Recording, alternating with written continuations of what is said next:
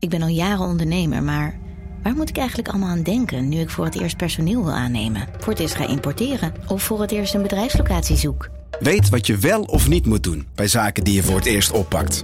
Check kvk.nl voor praktische stappenplannen. KVK, hou vast voor ondernemers. Al 125 jaar kwaliteit voor jou thuis met Miele. Dat vieren we met jou. Ontvang nu tijdelijk een cashback tot 125 euro op veel Miele-apparatuur. Geniet van de kwaliteit van Miele.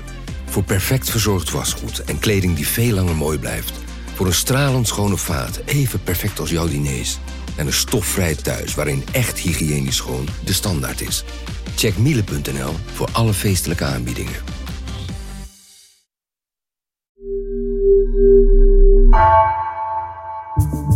Vanaf de redactie van NRC het verhaal van vandaag. Mijn naam is Gabriella Ader.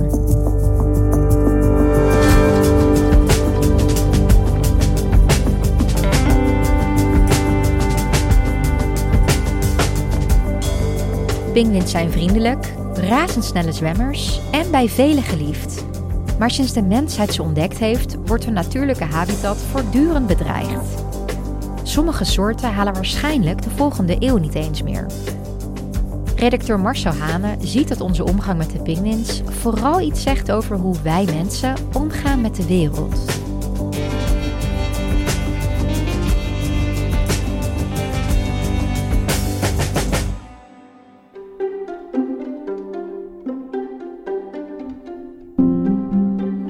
Het jaar 1497 dat Vasco da Gama, een Portugese ontdekkingsreiziger, die is op weg naar India vanuit Portugal en die moet het hoekje om bij Zuid-Afrika om richting het oosten te varen. En die ziet op eilandjes voor de kust van Afrika ziet hij vogels die hij nog nooit eerder heeft gezien. De eilanden zitten vol met wat hij denkt een soort eenden zijn, maar het rare is dat die eenden niet kunnen vliegen. En dat ze zich heel makkelijk laten doodknuppelen, zodat ze ze ook goed kunnen opeten. Die zeelieden waren dan al maanden uh, van huis weg. En uh, een van de grote problemen voor die eerste ontdekkingsreizigers was het krijgen van scheurbuik uh, wegens gebrek aan vitamine. En zo'n vogel is natuurlijk een aangename aanvulling op het, op het, op het menu van scheepsbeschuitjes of gedroogde vruchten.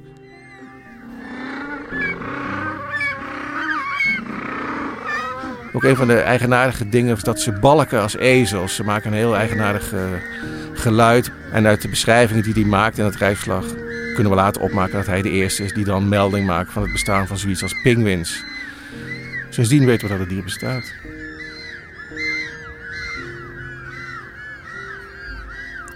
En het tragische is natuurlijk dat vanaf dat moment, de eerste ontdekking van de pinguïn, althans door Europeanen, uh, wij deze vogel die niet kan vliegen op alle mogelijke manieren zijn gaan mishandelen. We hebben alles gedaan om te zorgen dat die pinguïn tot een punt komt waarop we nu zijn gekomen. Dat hij voor het einde van de eeuw door menselijk toedoen, althans de meerderheid van de pinguïns, er niet meer zal zijn. En je kunt heel veel praten over, ik zeg maar wat, CO2-uitstoot. En hoe, hoe, belangrijk het is dat we binnen zoveel jaar 1,3% minder CO2 uitstoten dan we nu doen. Of over de stijging van de de temperatuur van het zeewater. Maar het is tegelijkertijd allemaal zo abstract. Dat je denkt, ja, het zal mijn tijd wel duren. Je, je kunt je er niet echt een voorstelling bij maken. Maar als je dat verhaal vertelt over de omgang met de natuur. En je geeft het een gezicht. Je kiest een personage, een protagonist, een hoofdpersoon. In dit geval de pinguïn, de pinguïn van iedereen houdt. En je ziet dan en vertelt hoe we met dat dier omgaan. Ja, dan kun je niet anders als, uh, als tot de conclusie komen dat het buitengewoon lomp is. Ja, Marcel, eigenlijk schrijf je voor de krant uh, altijd over politie en justitie. Maar wat heb jij toch met die pinguïns? Waarom ben je er zo mee bezig? Je hebt er zelfs een boek over geschreven. Ja, het, is een uit de hand gelopen kleuterliefde. Ik heb als jong ventje de pinguïn ontdekt in uh, wat dan heette, mijn eerste tijdschrift. Dat heette De Okkie, het uh, katholiek jeugdblad, wat ik in Limburg op de lagere school kreeg mensen hebben mij vaak gevraagd, hoe komt het toch dat jij zo pinguïn verslaafd bent en zo. En het, verslaafd ook echt? Ja, nou ja, ik, ik, moet, ik moet iedere dag wel een paar pinguïns bekijken om goed te kunnen slapen. Ja. Uh, en ik, ik meen hem dus altijd te herinneren dat het, dat moet zijn gekomen door de Okkie. Want dat gaat over onze verhouding tot onze lieve Heer. Maar ook over de planeet en de schepping van onze lieve Heer. En hoe we daarmee moeten omgaan. En in alle kolommen duikt voortdurend, nou alle, maar in heel veel kolommen duikt voortdurend de pinguïn op. Ik heb hem inderdaad toen leren kennen en die verslaving is alleen maar erger geworden. En ik schrijf heel veel over het functioneren van de rechtsstaat. En ik heb heel veel schandalen behandeld, want dat is het leukste wat je, wat je kunt doen als journalist. Dus seksaffaires bij het Openbaar Ministerie, tot racisme bij de politie of, of, hoe de politie in drugs handelde. Maar ik kreeg de afgelopen jaren steeds nadrukkelijker het gevoel dat het echte schandaal waar ik kennis van heb, is het feit dat wij de pinguïn aan het uitmoorden zijn. Mijn favoriete dier. En ik dacht, het wordt de hoogste tijd dat iemand dat opschrijft. En ik dacht, ik ga nu al mijn journalistieke vaardigheden uh, aanwenden om, om, om, de geschiedenis van deze, deze vogel te beschrijven. Ja, en wat vind je nou zo geweldig aan die pinguïns? Wat fascineert je nou zo aan? Ja, aanvankelijk weet je niet precies wat, waar je naar zit te kijken. Je ziet, dus een, je ziet dus een vogel met vleugels, maar vliegen kan die niet. Onder water verandert hij in een raket en dan, dan, schiet hij door het water. En op het moment dat ik hem voor het eerst zag, was hij even groot als ik zelf was. Ongeveer iets meer dan een meter. En het zijn, zijn hele welgemanierde vogels, aangenaam gezelschap. En er zijn ook maar weinig dieren die je zo goed kunt benaderen. Een normale vogel vliegt weg. Ja. De niet, die staat gewoon, blijft staan en die kijkt naar je. En uh, ja, pinguïns zijn ook zo ontzettend lief en vriendelijk en naïef. En niet opgewassen tegen het menselijk kwaad, want dat is het ook. Uh, dus je hebt ook met ze te doen. Dus als je ze beter leert kennen, heb je toch zoiets van, ja, je, je, je, ja, je denkt, wat kan ik hier betekenen voor die pinguïn? Kan ik ze helpen, ja. Ja, en nu lijkt het dus op dat het dier waar jij helemaal idolaat van bent, er voor het einde van de eeuw dus misschien niet meer is.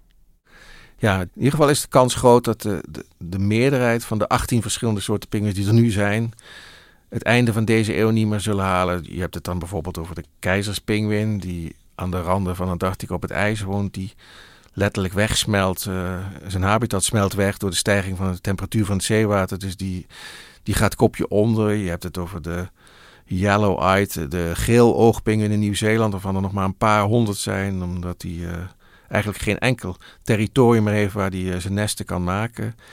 En dan heb je het natuurlijk over die Afrikaanse pinguïn. De eerst ontdekte pinguïn zal ook waarschijnlijk nu als eerste verdwijnen. De Zuid-Afrikaanse regering schat dat in 2035, dus over tien jaar, deze vogel uh, in het wild niet meer zal voorkomen.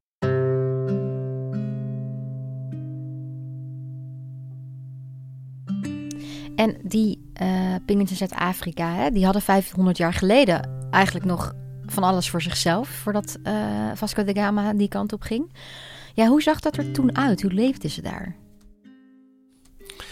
Ja, die pinguïns in Afrika, die leven alleen maar op eilandjes voor de kust. Dan heb je ongeveer 30 eilanden van, van Zuid-Afrika, zo voor de kust, van Kaapstad tot aan Namibië toe.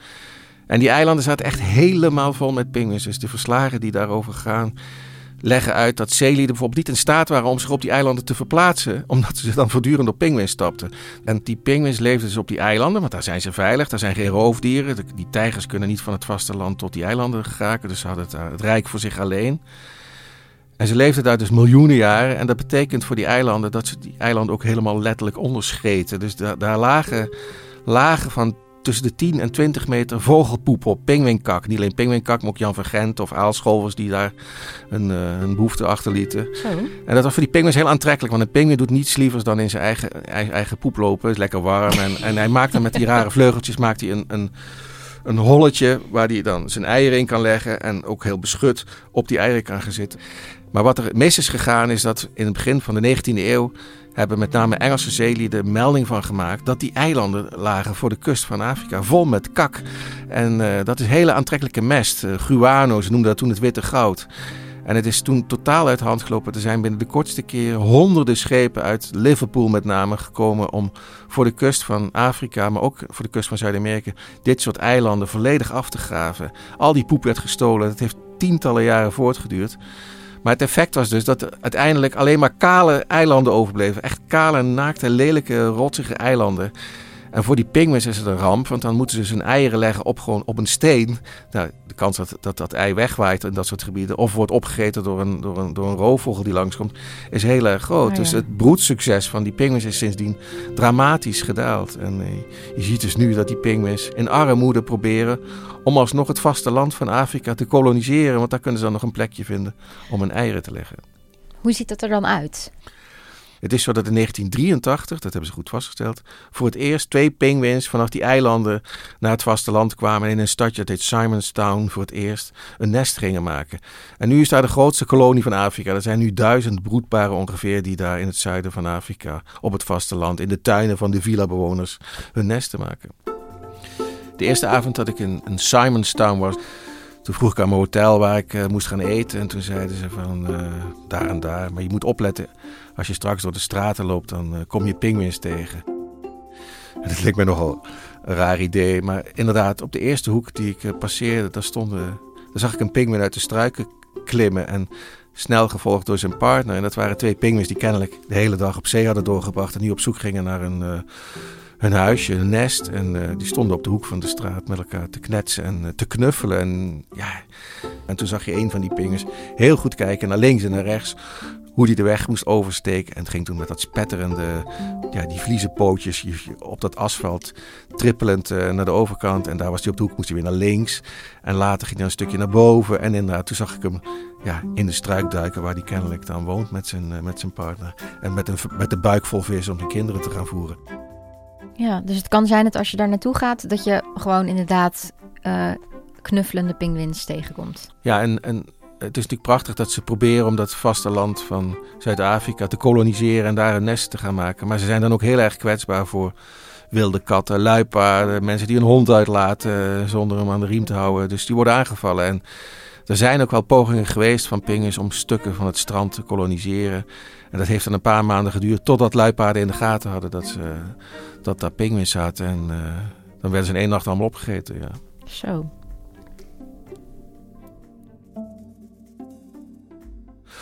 Een ander probleem voor die Afrikaanse pinguïns is dat we in de afgelopen nou ja, 40 jaar al hun eten bijna hebben opgevist. Pinguïns in Afrika leven van sardientjes en anchovies. ja, dat eten wij graag, ja. ja.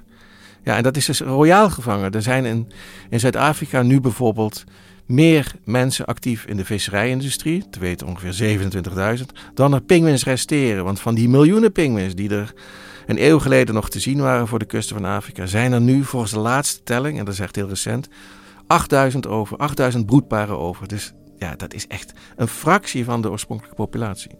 En die pinguïns zijn ook niet opgewassen tegen de geraffineerde technieken waarmee die vissers uh, hun zee leeg scheppen. Ze hebben sonartechnieken en die sardientjes die zwemmen in scholen, die kunnen dan, dat heet dan zeegevisserij, heel makkelijk gelokaliseerd worden met apparatuur, zodat ze die goed kunnen wegvangen. het is dus nu zo erg in, in Zuid-Afrika bijvoorbeeld, dat er dus zo weinig vissen meer zijn. Dat ze ook geen vissen meer hebben om die blikjesfabrieken die ze daar hebben te, te vullen. Die blikjes te vullen met vis. Dus nu wordt er vis geïmporteerd, sardientjes en anchovies uit landen als Marokko en Portugal. Om toch in ieder geval nog die, die blikjesfabrieken in Zuid-Afrika draaiende te houden. Dat geeft wel aan hoe, hoe fucked up dat hele systeem is. Ja. Ja, die zee is dus bijna letterlijk lege vis, als ik jou zo hoor wordt er wel gezocht naar oplossingen om die pinguïn dan te helpen, te redden?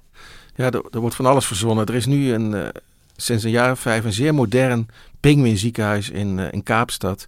Ik heb daar een tijdje mogen, mogen helpen. Het is indrukwekkend. Twee intensive care units en allerlei uh, ruimtes om die pinguïns en, wow. andere, en andere zeevogels trouwens te helpen en te verplegen. En dan worden dus pinguïns binnengebracht die zijn aangespoeld. Uh, totaal uitgehongerd bijvoorbeeld komt vaak voor. Of ze hebben een poot gebroken waardoor die, waardoor die uh, gezet moet worden in, in een schitterend verbandje wordt verpakt. En dat is een van de manieren waarop ze proberen om in ieder geval die gewonde pinguïns weer op de been te helpen letterlijk. Mm -hmm. En wat er ook gebeurt is, uh, men probeert nu om die visserij te beperken, zodat die pinguïn in ieder geval op een normale manier zijn buikje rond kan eten. Maar makkelijk is het niet, want er zijn er is een hele machtige visserijindustrie in Zuidelijk Afrika. En er zijn ook veel mensen die zeggen: ja, die pinguïns zijn leuk, maar what's the point of a penguin? Wat heb je aan een pinguïn? Je kunt hem niet opeten en die vissen kunnen wij heel goed opeten. En Zuid-Afrika en Namibië zijn uh, nou ja, best arme landen. De bevolking vindt het heel prettig om blikjes met sardientjes te kunnen kopen in de supermarkt. Dus mm -hmm. waarom zouden we die pinguïn dan voortrekken? Dus uh, wij kunnen wel denken van uh, het is belangrijk dat we die pinguïn gaan beschermen, want het is zo'n schattig dier. Maar dat is niet noodzakelijkerwijs ook het perspectief van, van veel Afrikanen. En ik begrijp dat natuurlijk ook wel. Het is, natuurbescherming is in zekere zin een luxe voor, uh, voor Europeanen die, uh, die eerst de natuur zelf in hun eigen continent volledig om zeep hebben geholpen. En dan nu gaan zeggen hoe die Afrikanen of, of, of Latino's het moeten gaan doen. Ja, dus dat precies. is ingewikkeld, ja. ja. Gelukkig is nu het besef doorgedrongen. En het heeft echt tientallen jaren geduurd dat je dus die visserij moet beperken in een, economische activiteiten. is eerlijk gezegd te danken aan de huidige minister van, uh, van Milieu in Zuid-Afrika. Die heet Barbara Creasy. Die, die, die ja, een progressieve tante die, die het opneemt voor die pinguïn. En het is nog niet makkelijk, want die vrouw is ook niet alleen minister voor het milieu, maar ook minister voor de visserij. Dat is één portefeuille in Zuid-Afrika. Dus, oh ja. ja. Ga er maar aan staan. Dus ik, ik vind het wel dapper. Ze heeft in augustus bekendgemaakt dat ze, die, dat ze de visserij wil beperken. En dat, dat, dat gaat hopelijk lukken nu, ja. Maar eten is niet het enige probleem, hè? Wordt er dan verder nog gekeken naar oplossingen of, of naar manieren om die, om die pinguïns te redden? Nou ja, ze willen een kolonie, een nieuwe kolonie beginnen op het vasteland van pinguïns een, een stuk van het vasteland wat ze heel goed hebben afgeschermd van roofdieren. hebben ze een schutting omheen gezet bij het strand. En om die pinguïns te lokken, zetten ze stenen pinguïns uh, op, op het strand. Die lijken twee druppels water op echte pinguïns. En allerlei poses, die staan er op het strand. En tegelijkertijd laten ze pinguïngeluiden horen. In de hoop dat pinguïns die langs zwemmen, dus denken... hé, hey, daar is het leuk toeven. Oh, ja. En dat ze dan daar naartoe gaan dat ze daar een nest gaan maken. En andere manier nog waarop men probeert om die pinguïn te hulp te schieten is uh, door huisvesting voor die pinguïns te regelen. Dus die oorspronkelijke nest die die pinguïns konden graven in hun eigen kak, ja, die is komen te vervallen doordat die poep is gestolen. Dus wat ze nu hebben bedacht is uh, penthouses voor pinguïns bouwen. Dat zijn een soort, ja, ze hebben allerlei ontwerpen gemaakt. Uh, in de eerste plaats waren het een soort hondenhokken, leek het wel. En nu hebben ze een soort tapstoelen op het gebouwtje... waarbij die pinguïn dan met het hele gezin zich kan terugtrekken in dat huisje. Dat wil zeggen met, met, met twee kuikens en een man en vrouwtje. En ook goed geïsoleerd is en toch ook een beetje lekker doortocht... zodat het niet te warm wordt in dat huisje. Het is heel gedoe om een goed pinguïnhuisje te bouwen. Maar uh, ze denken dat ze nu een, uh, een, een, ja, een fijn onderkomen hebben weten te ontwerpen. En, maar werkt dat ook? Gaan die pinguïns echt in het huisje zitten? Ja, ik, ik heb ze zien zitten. Uh, ze zitten daarin. Ja, het ziet er heel raar uit. Ja, nee, het ziet er, het ziet er heel modern uit. En, uh, maar het heeft toch ook iets heel treurigs. Als je die foto's ziet van hoe het was, ja. uh, hoe mooi het was, hoe rijk het was aan vogels. En je ziet nu hoe ze daar stumperig op zo'n kaal eilandje met een penthouse voor pinguïns lopen te, te sollen. Dat is toch wel ingewikkeld. Ja. Ja, nu is ik de grote vraag. Is die pinguïn te redden? Dat is inderdaad de, eh, de hamvraag. Het is zo dat de grootste bedreiging voor eigenlijk alle pinguïns is de visserij, de industriële visserij. Wij zijn in staat om ook op plekken van de aarde waar niemand woont, zo medogeloos geraffineerd en veel te vissen, dat er gewoon niet genoeg eten overblijft voor die pinguïns. En zolang je dat niet weet te herstellen, zolang je die visserij niet, industrie niet aan banden weet te leggen, dan uh, is die pinguïn ten dode opgeschreven. Dan is er geen redder meer aan. Dan kun je ziekenhuizen bouwen tot je een ons weegt. Of, uh, of nieuwe, nieuwe kolonies proberen op te richten en penthouses installeren. Dan gaat die pinguïn eraan, ja. En dat is echt heel erg schandalig. Natuurlijk is het wel heel goed dat, dat Zuid-Afrikanen bijvoorbeeld of Namibiërs proberen om hun pinguïn te redden. En dat ze daar alles aan doen uh, wat mogelijk is. het is zo'n mooi dier. Je wilt niet dat dat verdwijnt. En ook al hebben we het pas veel te laat in de gaten gekregen dat we bezig waren om dit, deze vogel het ravijn in te duwen, dan is het toch goed om alsnog op, op, op, ja, op de drempel van het overlijden te proberen om dat proces te keren. Maar ik vrees helaas dat het niet te redden valt. Ja, oké, dankjewel Marcel. Graag gedaan.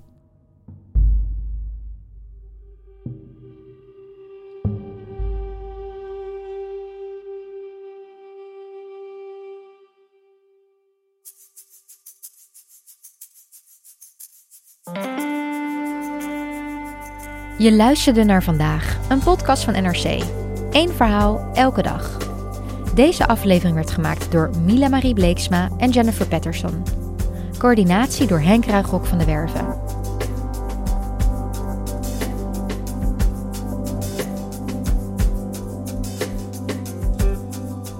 Dit was vandaag, morgen weer.